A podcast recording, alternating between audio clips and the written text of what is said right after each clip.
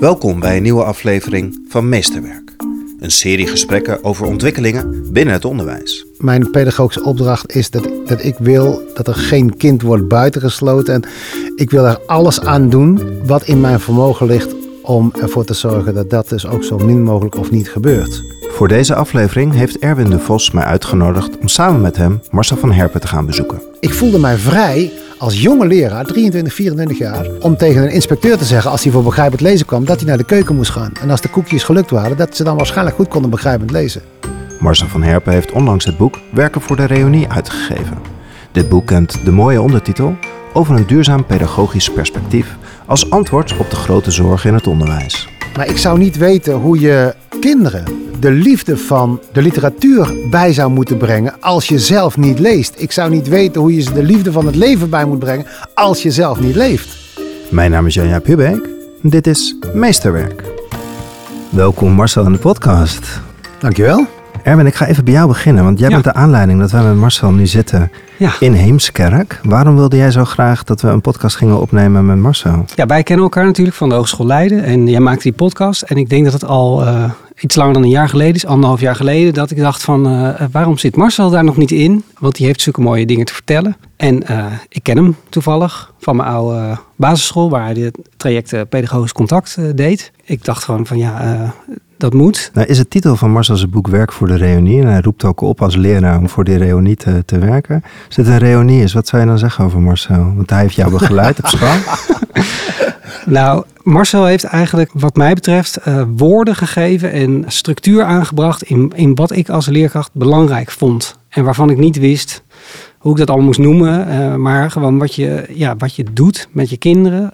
Noem het dan pedagogisch contact, maar het contact maken met de kinderen. Om te beginnen bij welbevinden. Hoe is het met jou? Eh, beginnen bij relatie. Ja, al die modellen, die, eh, die heb ik eigenlijk van Marcel. eh, ja, die kan je in een boek lezen. Maar die, die moet je, als je die echt wil integreren in je groep. Dat is nog wel echt wat anders. Dat, dan is het fijn als iemand daar eh, je, je bij helpt. En eh, je team daarbij stuurt. Dat je dat met z'n allen vorm kan geven. Dat was gewoon, eh, ja, wa- was fantastisch. Ja. Hoe is dat Marcel, om dat op de reunie terug te horen?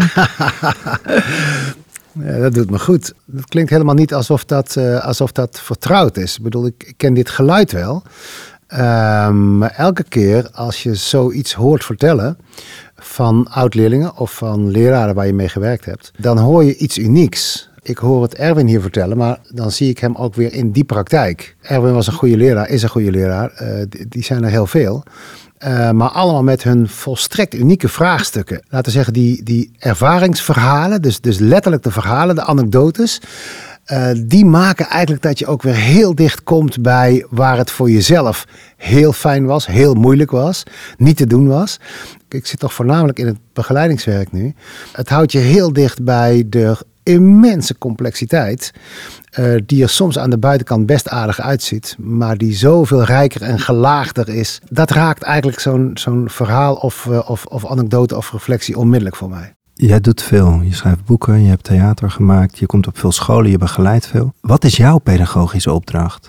Ik heb het nooit korter kunnen zeggen en, en uiteindelijk ook gemakkelijk met me mee kunnen dragen door te zeggen: ik, mijn pedagogische opdracht is dat, dat ik wil dat er geen kind wordt buitengesloten. En ik wil er alles aan doen wat in mijn vermogen ligt om ervoor te zorgen dat dat dus ook zo min mogelijk of niet gebeurt. Dus ik wil invloed uitoefenen op mensen. Uh, mensen die in het onderwijs werken, om het onderwijs heen lopen. Uh, om ervoor te zorgen dat dat systeem wat verworden is, dat, dat, ontwikkelt zich op een bepaalde manier. Dat is, dat is nooit van iemand of iemand persoonlijk. Dat daar in dat systeem gekeken blijft worden naar, laten we zeggen, dat wat het allerbelangrijkste is. Uh, en dat klinkt verschrikkelijk eenvoudig, maar dat blijkt het allermoeilijkste te zijn. Om niet door te gaan met waar we gewend aan zijn, om je te blijven richten op waar het werkelijk om gaat. Dat dat voor mij is dat geen kind mag worden buitengesloten. Dat heb ik ook moeten onderzoeken. Dat heb ik onder andere in mijn podcast gedaan, het mysterie van de goede leraar. En dat is, ik ben 54, dat is eigenlijk pas sinds een jaar ontrafeld voor mij, waarom het precies die opdracht is. Wat heb je ontdekt dan door jouw podcast te maken? Of, waar ik tegenaan ben gelopen, want dat was het. Het, het, was, een, het was een toevalstreffer. Dat ik met mijn rapportjes langs mijn, uh, mijn oude leraren ging. om ze allemaal mijn rapportje nog eens voor te laten lezen. Het stond namelijk bij elke leraar hetzelfde. Dat hij te druk was, niet oplette, uh, naar buiten keek. En toen ik bij de juf van de eerste klas kwam, zei ze, ik weet waar jij voor komt. En toen dacht ik, dat weet je helemaal niet. En toen zei ze, jij komt het natuurlijk nog uh, met mij een keer hebben over dat ik jou op de gang gezet heb. En toen vertelde ze het verhaal dat ze, dat ze mij met tafel en stoel uit de klas heeft gezet. Omdat ik niet te doen was tussen de kapstokken met mijn rug naar de klas. En dat was voor haar best, best emotioneel. Maar voor mij eh, compleet vervaagd. Ik heb daar geen enkele herinnering aan. Terwijl ik dat kinderen niet mogen worden buitengesloten, dat roep ik overal. En al heel lang. En het zou dus kunnen zijn dat het zo'n ervaring is geweest die een geweldige impact heeft gehad. Wat ik bij jou wel altijd mij afvraag is, uh, ja, toch de grote vraag, waartoe dient ons onderwijs? Ja. Ja, daarvoor heb ik denk ik in de loop van de tijd, en daar helpt dat schrijven bij, het schrijven van die publicaties, ook onderzocht van, vanuit welke kaders uh, schrijf ik of denk ik. Hè? Ik heb in, in heel veel landen mogen werken, dus, dus heel veel aantrekkelijke culturen gezien, uh, prachtige routines die anders zijn dan in onze context, et cetera. Ja, daar heb ik wel geleerd dat ik, dat ik een hele humane, maar ook een hele emancipatoire insteek heb. Het is er mij echt om te doen dat eh, mensen goed voor zichzelf en goed voor anderen kunnen zorgen tegelijk. Dus daar waar het, laten we zeggen, te rechts wordt en mensen voor zichzelf gaan uiteindelijk als negatief bijproduct, daar wordt het uh, ongemakkelijk voor mij. En daar waar het te veel voor elkaar zorgen wordt, al snel verstikkend. Dus daar zag ik, ook in politieke systemen waar ik werkte, Ehm, maar laten we zeggen voor het onderwijs naar de psychologische basisbehoefte, relatie en autonomie. Dat het precies gaat om een hele, een hele bijzondere dans. Ja, dat is wat we dan uiteindelijk pedagogisch tact zijn gaan noemen, denk ik. Een hele bijzondere dans tussen hoe zorg je nou dat je, dat je goed voor jezelf opkomt, jezelf kunt ontwikkelen, zelfbeschikking aan de ene kant. En tegelijk, niet op een ander moment of dinsdagmiddag of bij een ander vak, maar tegelijk rekening houdt met wat belangrijk is voor anderen ja, dat is misschien uh, omdat ik als tweeling ben geboren op 1 juni, dus twee keer tweeling. Dus uh, qua sterrenbeeld en, en in mijn familiebiografie zitten, zitten die twee kanten heel sterk. Ik denk dat, dat, het, dat het daar wel in gelegen ligt.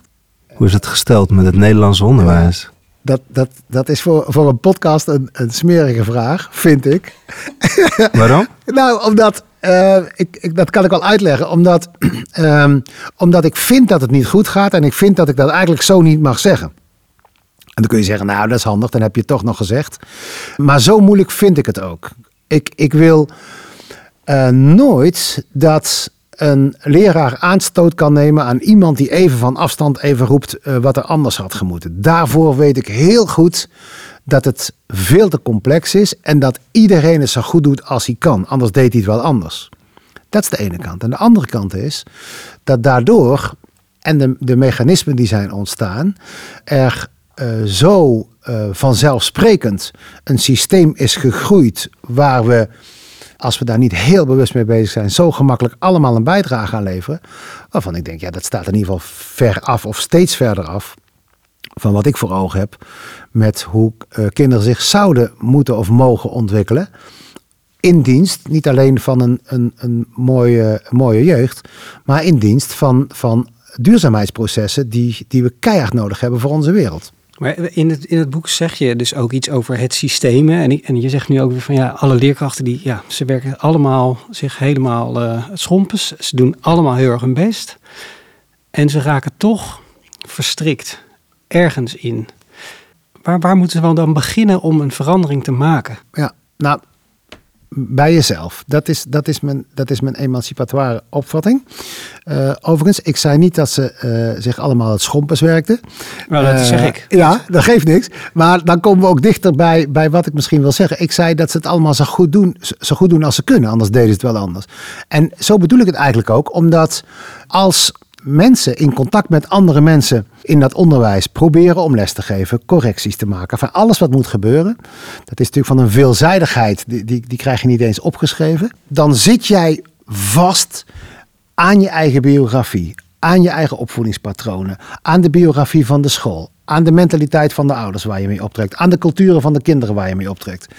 Dus het is verschrikkelijk ingewikkeld om tijdens je werk, voor mij was dat ook zo. Dat is nu echt makkelijker voor mij, maar, maar dan geef ik dus geen les meer. Het is verschrikkelijk ingewikkeld om, terwijl je dat gewoon beleefd, een vis weet niet wat water is, uh, ook nog afstand te nemen en te kijken waartoe doen we dit eigenlijk. Dus je ziet eigenlijk dat dat gesprek, de, de, de waartoe vragen, de, de visiegesprekken enzovoort, de grote vragen, de uitgezoomde vragen, dat die vaak, laten we zeggen, op een ander niveau gevoerd worden. Terwijl die nou eigenlijk direct op die plek thuis horen. Met alle kinderen erbij.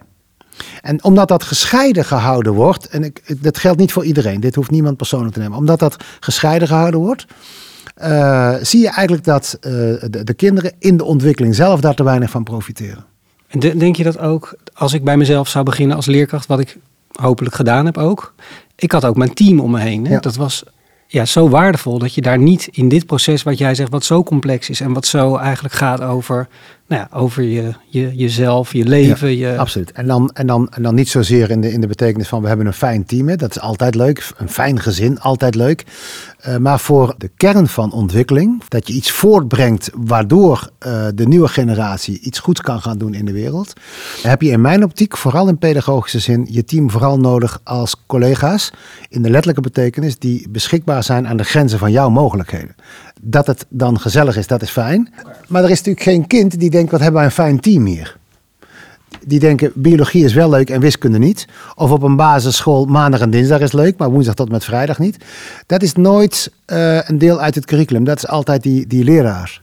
Je zegt heel mooi, een vis weet niet wat water is. Is dat de kern van het probleem van leraren? Ja. Ze zitten op hoog, ooghoogte met die kinderen elke dag, maar hebben geen idee in welke grotere complexe vraagstukken ze zitten. Ja, en, en, en dan mag je leraren vervangen voor mensen.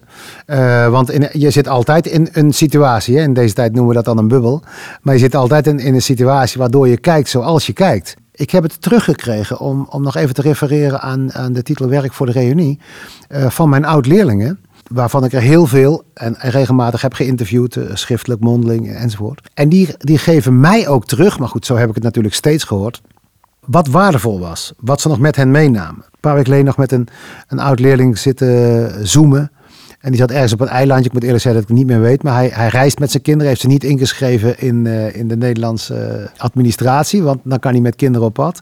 Uh, en hij zegt dat, ik weet nog dat moment. Jij kwam terug uit Ecuador. En jij begon te vertellen. En toen dacht ja, dit wil ik. Het was geen, het was geen jeugdjournaal. Het waren mijn eigen ervaringen. Ik had ook mijn eigen spullen meegenomen. Mijn eigen foto's gemaakt. en gecommuniceerd in de tussentijd met die kinderen. Afijn, en dat weet ik ook van mijn eigen leer, leraren. Het is, het is waar Kanamori, het, het, het grote voorbeeld van de Japanse levenslessen, uh, zou zeggen: waar heb je recht van spreken? Dus op het moment dat je de leerlingen raakt vanuit je eigen verhalen, ja, kunnen ze dus ook geraakt worden om daar werkelijk iets mee te gaan doen. Dat, is, dat staat behoorlijk ver af van de klassieke uh, uh, zin van lesgeven of instructies geven. Wat bedoel je met de emanciperen van leraren? Dat een leraar, dat zo zeg ik het voor, het voor de kleinste interventie, maar ook als ik helemaal uitzoom naar, naar wat het ministerie de, de problemen en ik de zorgen van het onderwijs noem, dat de leraar uh, volledig verantwoordelijkheid neemt voor alles wat hij in die klas doet. Nooit extern attribueert. Dus niet dat komt door het bestuur of dat moet van het ministerie. Of, uh, nee, jij bent in die klas volledig verantwoordelijk voor alles wat er gebeurt. Uitzonderlijk als dat niet kan. Um, dus dat betekent dat we in de kern, en dat begint bij hele jonge kinderen, kleuters in ieder geval. Uh, en dat gaat door zolang ze op school zitten. En dat geldt dan voor, voor kinderen, voor leerlingen, voor, voor leraren, schoolleiders en bestuurders. Dat iedereen de volledige verantwoordelijkheid moet nemen voor, laten zeggen, de vrijheid die hij neemt. Dus voor dat wat hij invult. Dus een leraar die geeft een instructie omdat hij weet dat hij hier een instructie moet geven aan de kinderen die dat nodig hebben op dat moment. Maar niet omdat ergens staat dat die klas daar moet zitten of uh, omdat dit op het rooster staat. Of, uh, dus als, als hij het al doet omdat het in het rooster staat en iemand vraagt waarom doe je dat eigenlijk, dan moet je daar een antwoord op kunnen geven. Dat normale, vind ik, maar je mag het ook professionele antwoord, dat blijft vaak uh, verschuldigd. En dat is waarom leerlingen uh, en dat doen ze natuurlijk ook in gesprekjes als jij of ik daar gewoon langslopen. Uh, zeggen, ja, dat is gewoon niet eerlijk, want hij mag dat wel en ik mag dat niet. En, uh, en ik begrijp dat al, waarom moet ik hier zitten? En, en ik zit hier apart, maar ik zou liever bij die groep zitten. Nou weet iedereen dat ik er niet bij hoor. Dat zijn allemaal goed bedoelde interventies. Ingesleten patronen, aangeleerd met, met, met de, weet ik wat voor. Da, daar zitten al miljarden in, in, die, in die patronen. En dat betekent dat kinderen zich vaak gewoon niet goed gehoord voelen. Maar dat die leerkrachten zich dus ook vaak niet goed gehoord voelen. Maar je, je, je moet dat helemaal omdraaien. Die leraar moet daar gewoon gaan doen wat nodig is. En uitleggen waarom die doet wat hij doet. Ja, dan hoef je niet met z'n allen naar het, naar het Malieveld met een petje en een fluitje. om te gaan vertellen dat de minister het niet goed doet. Dan moet je gewoon zeggen tegen de minister of die inspecteur. Je kunt gewoon gaan kijken hoe dat werkt in de praktijk. En, en, en pas als, als die professionele autonomie, dus, dus, dus een leraar die echt vanuit zichzelf zo durft te handelen, te spreken, maar zich ook werkelijk zo durft te verantwoorden, een kantelpunt kent, dus genoeg leraren kent in een school, in een bestuur of in een land die dat gaan doen, nou, dan, krijg je, dan krijg je echt een cultuurverandering. In die zin is je boek een heel fijn boek om te lezen, maar je roept natuurlijk ook wel dingen die, die er al een poosje zijn. Waarom doen we het niet? Angst. Waarvoor? Angst. Ik, ik heb heel veel leraren gesproken en ik weet niet of ik, het, of ik het zo in een paar zinnen goed kan zeggen. Maar er komt altijd iets van dat mag niet van. Of uh, sinds wij gefuseerd zijn. Of ja, maar straks als het boek niet uit is. Enfin, ik denk dat je de varianten wel kent. Uh, en dat ze ook snel bekend voorkomen. Maar dus eigenlijk angst om uh, niet te kunnen voldoen aan wat er gevraagd wordt. En in mijn optiek ik ben begonnen in 1990 met de eerste school voor ervaringsgericht onderwijs. Met een stel collega's en een paar ouders. Hadden wij toen veel ruimte, een geweldige verantwoordelijkheid die ook bijgehouden werd. Inspecteurs die voor en tegen waren, maar een open en eerlijk debat. Ik voelde mij vrij als jonge leraar, 23, 24 jaar, om tegen een inspecteur te zeggen als hij voor begrijpend lezen kwam, dat hij naar de keuken moest gaan. En als de koekjes gelukt waren, dat ze dan waarschijnlijk goed konden begrijpend lezen. En ik was geen rebel. Ik was iemand die daar conceptueel over nadacht, met steun van de Universiteit van Leuven.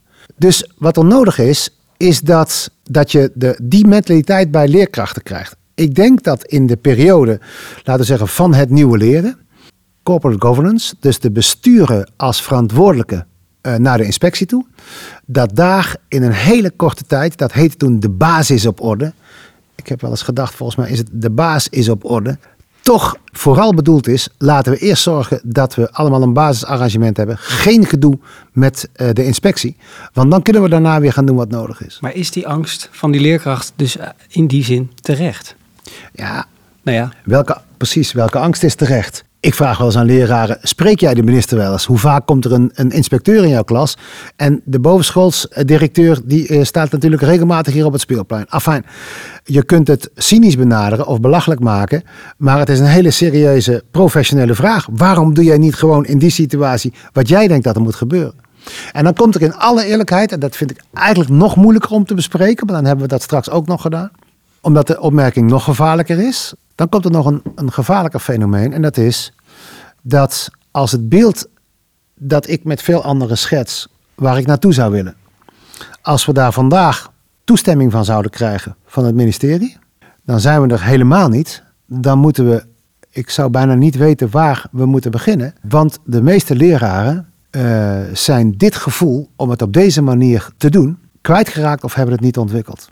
En dat zeg ik met heel veel respect voor alle leraren. Dus niet omdat ze iets verkeers doen. Ik geef een klassiek voorbeeld. De klossers, de opgeleide kleuterleidsters. Hè, waar nu terecht een discussie over is. Wat doen we met die jongere kinderen en kan dat zomaar? Die wisten echt, omdat ze op huisbezoek gingen, de ontwikkelingspsychologie kenden, konden variëren met materialen. Afijn, die hadden geen lijstje nodig. Maar ik heb er honderden gesproken, soms met tranen in hun ogen, die zeiden: Als ik het nou zou mogen, weet ik niet of ik het nog zou kunnen. En dat is voor mij een exemplarisch voorbeeld. Jullie kennen de opleidingen, de, de, veel scholen. Uh, een exemplarisch voorbeeld van hoe wij, terwijl we aan het beeld werken van waar we naartoe zouden willen. Nou, dat is voor mij iets anders dan wat we nu aan het doen zijn. Tegelijk uh, leraren, docenten zullen moeten steunen en opleiden uh, om dit uh, fenomeen, om deze gevoeligheid in de vingers te krijgen. Dit, dat krijg je niet als je van rooster naar rooster, van les naar les gaat, uh, kinderen uit de klas mag sturen, een mentoraat hebt als het niet goed gaat enzovoort. Nee, dat vraagt echt om, zoals je dat in een gezin ook doet, je met elkaar ontwikkelen en er doorheen gaan, elkaar echt leren kennen, moeite doen voor elkaar, niet opgeven. Afijn, alle belangrijke aspecten die ze op de reunie komen vertellen, waarvan ze ofwel of niet goed zijn gegaan. Maar dat betekent dus dat je echt vanuit die passie dan, dan werkt. Ja, dat is bijna het tegenovergestelde van in een cultuur komen en uh, doen wat opgedragen wordt. Maar ik zou niet weten hoe je uh, kinderen de liefde van de literatuur bij zou moeten brengen als je zelf niet leest. Ik zou niet weten hoe je ze de liefde van het leven bij moet brengen als je zelf niet leeft. Dus je moet je ontwikkelen om te voelen hoe mooi en hoe moeilijk dat is. Daar hebben wij met, met, met, met Lavas natuurlijk altijd geluk gehad dat we welbevinden en betrokkenheid moesten bestuderen. Dus je moest kijken of kinderen het goed maakten. En of ze zich echt ontwikkelden. Dat is niet hetzelfde. Als, als, als, als ik het goed maakte met mijn klas, dan ging dat vaak ten koste van het welbevinden van een paar collega's van mij. En daar moest je het dan weer over hebben. Dus uh, die, die zoektocht en die ingewikkeldheid, uh, die gewoon bij het leven hoort, die mag je niet wegmanagen. Daar mag je geen eenvoudige systemen opzetten. Dat, daar moet je echt samen doorheen. Nou, nou, is er ook ruimte, Marcel. Ik zie het ook op scholen. De laatste tijd als paddenstoelen uit de grond. De tienerscholen, die leggen PO en VO over elkaar heen. Je hebt de Agora-scholen. Uh, het zijn wel allemaal eenpetten. Ze doen het allemaal in hun eentje. En dat zijn allemaal dappere pioniers. Maar hoe kijk je naar die beweging van, van de dappere dodo's die het, die het vanuit leiderschap en visie wel doen. Ja, geweldig. Kijk, en niet omdat een bepaalde school beter zou zijn. Uh, zo heb ik het met mijn eigen, wat toen heette vernieuwingsbeweging, ook gezien. Hè, we hebben het heel goed gezien in, uh, in de, de Iderwijs uh, scholen die, ja. laten we zeggen, een, een krachtig ander geluid gaven, maar niet de conceptualisering hadden die ik voor ogen had. Dus die twee aspecten. Ik steun altijd de, de, de initiatieven. Ik ben groot voorstander van uh, de verkenningstochten die gemaakt worden. Ik vind de situatie voor zoveel kinderen, ik zal het voorzichtig zeggen, zo onvoldoende in een school. Dus zo weinig motiverend. Ik, ik, ik spreek ook over de kinderen die wij thuis hebben zitten, waar we, waar we elke dag zien wat er wel en niet gebeurt. Zo weinig motiverend. Uh, dat ik denk, het is geweldig dat dit soort initiatieven ondernomen worden en dat mensen daar met hart en ziel voor gaan. Overigens, als je er met hart en ziel voor gaat, werkt het natuurlijk ook al voor een groot deel. Hè. Dat, geldt, dat geldt natuurlijk voor, voor meerdere systemen. Maar ik ben zelf wel altijd eh, kritisch naar de, wat wij noemen de conceptualisering. Dus bewerkstelligt het een ontwikkeling op grond waarvan denk je dat te kunnen concluderen? Met hoeveel zekerheid weet jij dat er geleerd wordt op het moment dat ze aan het leren zijn? Afijn, daar wil ik kritisch zijn. Zo ben ik, zo ben ik opgeleid. In maar is dat niet gewoon een beetje het probleem dat de, de dingen die die wij hier aan tafel willen, is dat niet gewoon veel te lastig te meten en vast te stellen? Is het niet daarom dat ze gewoon zeggen van nou, nou taal en rekenen, dat is makkelijk? Jawel, dat is makkelijk. Overigens, een deel van dat curriculum is dan, maar goed, daar is genoeg over gezegd. Een deel van dat curriculum is zo te meten voor wat het, wa voor, voor wat het waard is. Maar ik heb een standaard voorbeeld. Ik heb uh, jarenlang die, die trainingen gegeven waar welbevinden en betrokkenheid uh, in zaten. Uh, en ik weet dat als, uh, als ik leraren liet kijken naar een, uh, een filmpje van een kind, mag VO zijn, PO, MBO, maakt niet uit, dat dan de reacties op leert dit kind iets heel divers waren. Zo kon je ook een paar fragmentjes uitzoeken. Als we daarna gingen kijken naar wat zijn nou de fenomenen van betrokkenheid, hè? dus waar bestaat dat nu uit, dat wordt gemakkelijk onderschreven. En je ging daarna weer naar zo'n fragment kijken, dan scoorde iedereen bijna hetzelfde. Met andere woorden, hier is ook gewoon kennis. Er is gewoon kennis over de fenomenen van betrokkenheid. En als je die kent, ga je preciezer kijken. En als je preciezer kijkt, kun je het beter beïnvloeden. Dat deel ja, is voor mij een basisdeel van het leraarschap. Uh, als je dat niet in je meedraagt, ja, ik zou bijna zeggen, wat ben je dan aan het doen? Wat, wat kun jij dan als leraar beter dan, dan een, een robot of, of wat internet te bieden heeft? Je hebt veel boeken geschreven, je geeft lezingen. Als al die mensen al drie stappen zouden zetten, ja. dan zou het er allemaal anders uitzien. Eén fundamentele stap.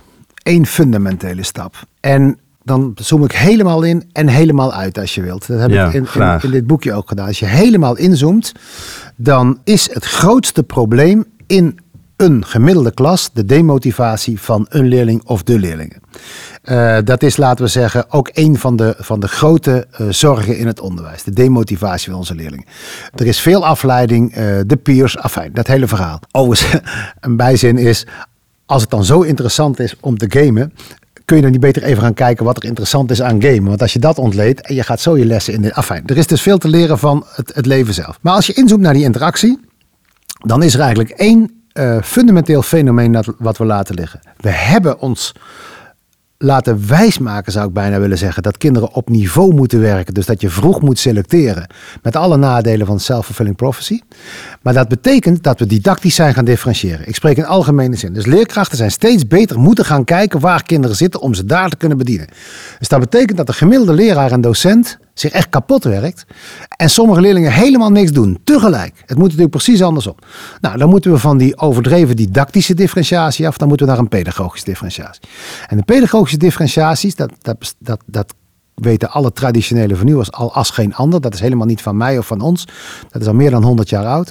Dat betekent dat je kinderen de vrijheid geeft waar ze verantwoordelijkheid voor kunnen dragen. Als leraren dat consequent en in elke situatie doen en leerlingen ook leren dat ze meer vrijheid krijgen als ze de bijbehorende verantwoordelijkheid nemen, dan krijg je twee groepen kinderen. Eén groep kinderen die daar ontzettend blij van wordt. Dat noemden wij betrokkenheid in ons systeem. Want die mogen hun eigen gang gaan met wie ze het willen, hoe ze het willen, op het moment dat ze het willen. Want die, want die, die komen verder uit dan wat in het curriculum geboden wordt. En een groep die dat nog niet mag, omdat ze die verantwoordelijkheid nog niet kunnen dragen daar zijn duizend redenen voor, die kennen we zo ongeveer. Maar dat betekent wel dat degenen die dat niet mogen ook gemotiveerd raken, intrinsieke motivatie krijgen om dat ook te willen. Dus je hele groep wordt met die didactische differentiatie, dus het bij elkaar houden van vrijheid en verantwoordelijkheid, gemotiveerder. Zo gaat het ook. De dag dat je ermee begint. De dag dat je ermee begint. Nou zoom ik uit. Want dit gaat door alle lagen heen. Dit geldt ook voor de bestuurder en de schoolleider. En als je uitzoomt, dan beweer ik dat als je dit doet, en dit kan elke leraar zelf, dit is een, dit is een emancipatoire opdracht voor elke leraar zelf. Als elke leraar dit zelf doet, dan stijgt dus de motivatie van de leerlingen en dan daalt zijn werkdruk onmiddellijk. Want als die klas aan het werk is, heb jij minder te doen. Zo heb ik het altijd ervaren. Als de motivatie van leerlingen stijgt en de werkdruk daalt in een pedagogische differentiatie, valt ook het gesprek over kansenongelijkheid weg. Want dat gaat nooit over kleur of over niveau, postcode, intelligentie. Nee, dat gaat over het nemen van verantwoordelijkheid. Dus dan heb je in het hart van het onderwijs de drie grote zorgen ben je aan het wegnemen. En dan beweer ik, en dat is niet zo ingewikkeld, dat aan het uiteinde van die school er veel minder uitval is, buitengesloten worden, pesten wordt veel minder, onmiddellijk, want je leert jezelf wat anderen te begrijpen, zoals dat vroeger in grote gezinnen was. Dat schaduwonderwijs, dat krijgt geen kans. Dat zou ook een zegen zijn dat al die mensen die nu verdienen aan de achterstand van onze kinderen en er ook belangen bij hebben, van, de, van de bijwerkinstituten tot en met de farmaceutische industrie, dat dat gereduceerd wordt. En ik beweer dat we dan zo aantrekkelijk worden als sector dat dat lerarentekort geen probleem kan zijn. Dat is het in de geschiedenis nog nooit geweest. Dus ik zeg dat als alle leraren deze emancipatoire opdracht oppakken, dus in de kern pedagogisch differentiëren, niet didactisch, maar verschil gaan maken tussen die kinderen op basis van vrijheid en verantwoordelijkheid, dat zij samen, door dat allemaal zelf te doen, de grote zorgen van ons onderwijs als sneeuw voor de zon laten verdwijnen. Daar hebben wij geen minister voor nodig. Sterker nog, die kan dat helemaal niet doen. Wat kunnen we doen om daar te komen aan het mooie beeld wat jij net ja, zegt? Dit, dit, dat elke leerkracht uh, de hele dag gehouden is aan dit principe. Dat die kinderen, uh, leerlingen, studenten, de vrijheid moet geven waar zij verantwoordelijkheid voor kunnen dragen. En je krijgt onmiddellijk een ander mechanisme. En je moet bij kleuters beginnen om ze elkaars perspectieven in te laten nemen. Anders ben je soms te laat. Je moet bij basisschoolkinderen beginnen om dit patroon in te slijpen. Uh, afijn, dus je moet, je moet bij de basis beginnen, maar iedereen kan het dus de hele dag. Dit is een hele kleine stap, die overigens door leraren helemaal niet als kleine stap ervaren wordt. Want dat betekent, als een leerling zegt: Ik zit hier niet graag, dat jij moet zeggen: nou dan ga je toch op de plek zitten waar jij graag zit op één voorwaarde. Dat is namelijk de verantwoordelijkheid die bij dat emancipatieproces en dat democratiseringsproces hoort. Op één voorwaarde. Dan zit straks iedereen op een fijne plek. En dan heb je gedoe. Maar als je door dat gedoe heen bent, zit iedereen op een fijne plek, heb je dat gedoe nooit meer. En dat betekent dat in de ene klas vijf plattegronden worden gemaakt. In de andere klas gaat iedereen gewoon s'morgen zitten waar die binnenkomt. Al heel snel heb je gewoon routines, waardoor je uit dat gesprek bent. Dus als kinderen weten, als ik een vraag stel, krijg ik gehoor maar ik krijg daar een opdracht bij. Want dat geldt niet voor mij, maar voor iedereen. Ja, dan kom je natuurlijk in, in de basis van onze rechtsstaat. Dan kom je in de basis van een juiste democratie. Uh, zo zou een beschaving allang moeten werken. Het is onvoorstelbaar dat, dat leraren dat over zouden moeten nemen van de volgende generatie. We weten dat sommige kinderen al veel verder zijn. Die denken, waar zit die leerkracht? We weten dat kinderen zich soms dommer voordoen omdat ze dan in het groepje bij hun vriendje mogen zitten. Ja, dat heb je met die niveaugroepjes. komen ze ook niet meer uit. Allemaal talentverlies. Allemaal talentverlies. En niet een beetje. En we hebben het hier nog, nog maar over onderwijs. Hè. We, we, we zouden het moeten hebben over de grote zorgen die er in de wereld spelen. Waar zij een bijdrage aan moeten gaan leveren. Ja, daar zijn zij niet voor geëquipeerd. Als zij in, eh, in niveaugroepjes hebben gezeten, lessen hebben gehad en, en voor het examen hebben gewerkt. Ja, en ik zoek even naar de stok in de, in de wielen om het, om, om het wiel te stoppen. Wat is de stok om het te veranderen? Twee dingen. Door, door het aan de leerlingen te geven. De ontwikkeling van een kind is van een kind. Niet van jou. Als jij ziek wordt, gaat die ontwikkeling van dat kind gewoon door. Dat hebben we ook in de coronatijd gezien. Heel veel ontwikkeling gaat gewoon door. Dat kun je een achterstand noemen, maar iedereen gaat gewoon door met waar hij mee bezig is. De stok in de wielen heb ik misschien toch het meest ervaren bij schoolleiders, want het heeft met leiderschap te maken. Leraren natuurlijk ook. Die het op hun voordeur spuiten. Die het de hele dag roepen. En ik moet zeggen, dat moment ken ik nog en dat is spannend. Dus je zegt tegen ouders, eh, hier wordt je kind niet buitengesloten. Niet iedereen hoort erbij, dat, dat is te gemakkelijk. Maar hier wordt niemand buitengesloten. Dan komt er de volgende dag een ouder en die zegt, nou, mijn kind wordt wel buitengesloten. Dat staat hier op de muur, maar mijn kind wordt wel buitengesloten. Zeg je, ja, maar daarom staat het ook op de muur. Anders was jij misschien niet gekomen. Met andere woorden, je moet de, de tegenmacht, het, het genuanceerde andere geluid, moet jij oproepen door te zeggen dat het niet gebeurt. Dat is de tegenmacht die we missen in ons parlement. Op een juiste manier. Hè? Waardoor, ik hoef daar niet over uit te wijden, waardoor de dingen zijn gebeurd zoals ze nu gebeuren. En dan kun je over een andere politiek praten of over een ander onderwijs. Dat is allemaal weer veel te beleidsmatig. Dat gaat over een mentaliteit van mensen. Dat is waarom het ene kind wel graag naar de ene oma gaat, maar niet graag naar de andere oma. Dat is waarom, waarom de biologieleraar een mentor voor een kind is en de mentor helemaal niks voorstelt en een uur wordt uitgezeten. Dus je moet je eigen opdracht durven communiceren, hardop. Op de muur durven spuiten.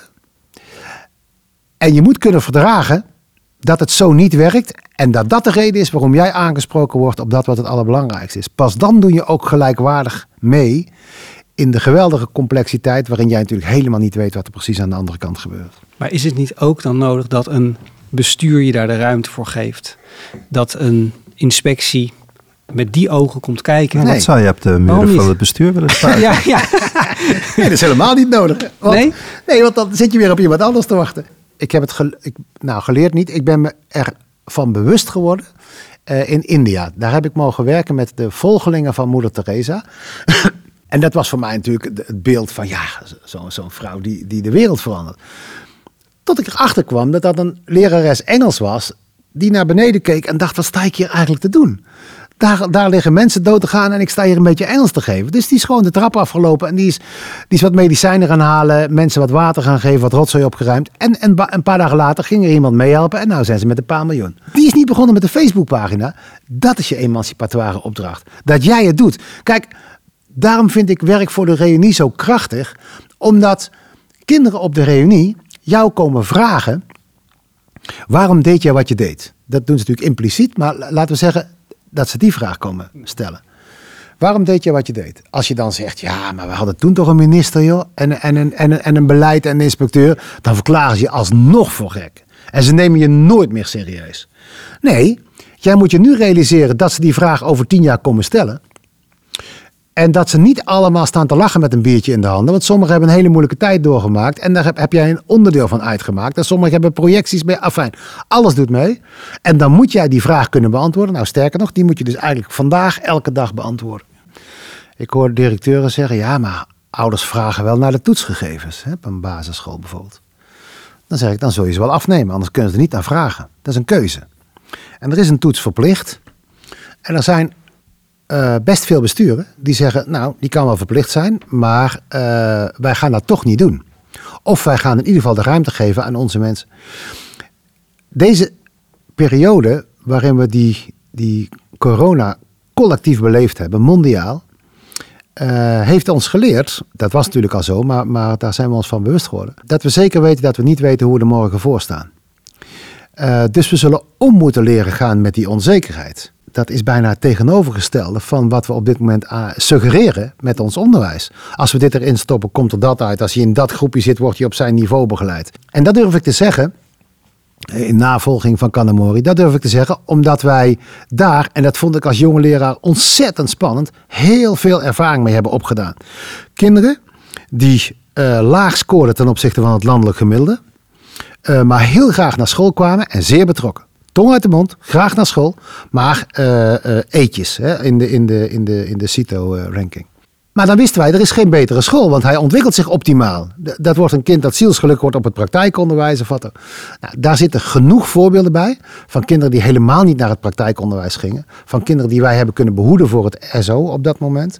En die later zelfs tweetalig afstudeerden. Met andere woorden, die ontwikkeling die verloopt onvoorspelbaar. Daar heeft niemand ook maar een begin van een idee. En daar hoor ik bij. Geen begin van een idee wat dat werkelijk is.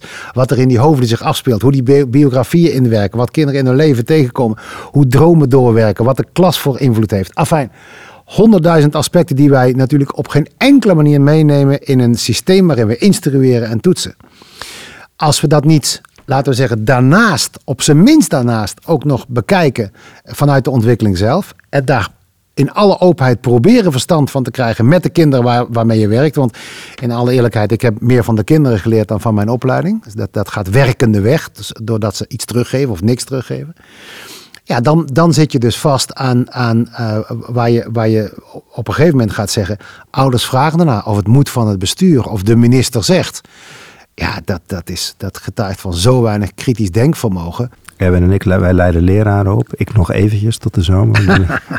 wat zou jij ons wensen wat wij op die muur stiften morgen of spuiten met een hele grote paarse spuitbus op onze muur van onze lerarenopleiding? Buitengesloten, vraagteken, uitgesloten, uitroepteken. Of je nou naar de grote migratie kijkt, uh, de grote zorgen in de wereld van mensen die echt van, van minuut naar minuut leven of overleven. Of je kijkt naar uh, de, de kinderen die van jongs af aan zich in ons onderwijs moeten redden op een manier waarin ze niet goed gehoord worden. Het toenemend aantal kinderen dat uh, misbruikt wordt, mishandeld wordt en niet gelukkig heeft in, uh, in bijna al vanzelfsprekend genomen de, de samengestelde gezinnen enzovoort enzovoort. Ja, een grote zorg op dat niemand aan de zijlijn blijft staan. En dat is nogmaals voor mij een pedagogische oproep. Geen socialistische oproep, een pedagogische oproep. Waarbij we uh, kinderen niet gaan verzorgen meer dan nodig is. Geen kind zielig gaan vinden uh, waardoor hij zichzelf niet kan redden. Nee, uh, heel goed zien waar je zijn hand vastpakt, maar ook heel goed voelt waar je hem loslaat. Of die nou 4 of 16 is. Ik denk ook dat jij de serie klasse hebt gekeken. Maar wat mij daar zo in opviel, is dat die ouders die school in de buurt voorbij fietsten om naar een vrije school in Amsterdam-Noord te gaan, in die, de wijk uit te fietsen. Dat zie ik op meer plekken gebeuren. Dus scholen die heel bewust nadenken over die visie, die zijn best exclusief. Dus inclusiviteit, de ervaring die ik nu vaak zie, is dat het wel exclusief is. Ja, Herken je dat? Ja, zo is het. Nou, het, het, het, is altijd een paradox. Dus wat je zegt klopt precies. Op het moment dat je inclusief gaat werken, ben je op dit moment exclusief. Anders zou het ook zo niet heten. Dan zouden we het gewoon onderwijs noemen. Maar dat noemen we nu inclusief onderwijs. We zijn het passend onderwijs gaan noemen. Elk onderwijs zou passend moeten zijn. Het feit dat je het zo noemt is natuurlijk al paradoxaal. Uh, maar het geeft iets aan van de richting. Dat scholen proberen om uh, wat inclusiever te werken. Dat is weer zo'n zo'n initiatief waar we eerder over spraken. Dat moet je als initiatief denk ik toejuichen. Maar daarmee moet je tegelijk niet exclusief proberen te worden. Dus wat je zelf aan het opbouwen bent, moet je tegelijk anderen gunnen. Dus je moet niet de beste school worden. Je moet niet excellente school willen worden. En opportun kan dat wel hoor. Ik bedoel, als je soms denkt, joh, we zitten in een wijk. Als we dat nou eens doen, dan kunnen we ook laten zien dat we met deze kinderen gun ik je van harte. En, en soms is dat ook even nodig. Maar niet als drijfveer. De drijfveer moet zijn dat je op de millimeter je invloed laat gelden waar het kan voor een betere wereld. En een betere wereld is uitgezoomd. Dat is niet de beste school. Ja, dat is toch dat verdomde fenomeen met dat beste allemaal. Ik zou zeggen, je zult maar eens op een school werken met de beste leraar van Nederland aan boord. Dan ben jij het in ieder geval niet. En dan weet je wel waar het de hele dag over gaat. Ik ken er een paar, dat zijn hele goeie. Anders waren ze het ook niet geworden. Die hebben een mooie ambassadeursfunctie, is ook allemaal nodig. Maar er hoort altijd bij dat dat nooit gaat over, laten we zeggen, dat het, het spannende concept. Het ego van, van die ene persoon of van, die, of, van, of van de school. Dat is het fenomeen van de beuk. Ik weet niet of je dat kent. Je hebt wel eens een beukenbos gezien. Dat is, dat is een fantastische boom, een beuk. Mooier zie je ze eigenlijk niet. Maar daar groeit niks onder. Dus je moet zorgen dat je heel mooi wordt, maar dat er nog wel iets onder kan groeien en mee kan groeien. Dat je de school van de andere stichting die naast je staat exact evenveel gunt, omdat die kinderen exact evenveel waard zijn. Afijn. Dus je doet wat je kunt, maar niet omwille van het predicaat, want dan zit je te dicht bij de ranking die, die je bestrijdt met, met het afbreken van de toetscultuur die we hebben. Het is, een, het, is, het is altijd een paradoxale opdracht. Ja. Mogen wij je danken voor jouw tijd, je aandacht en wederom een boek wat echt aanzet tot denken en met name in ons handelen.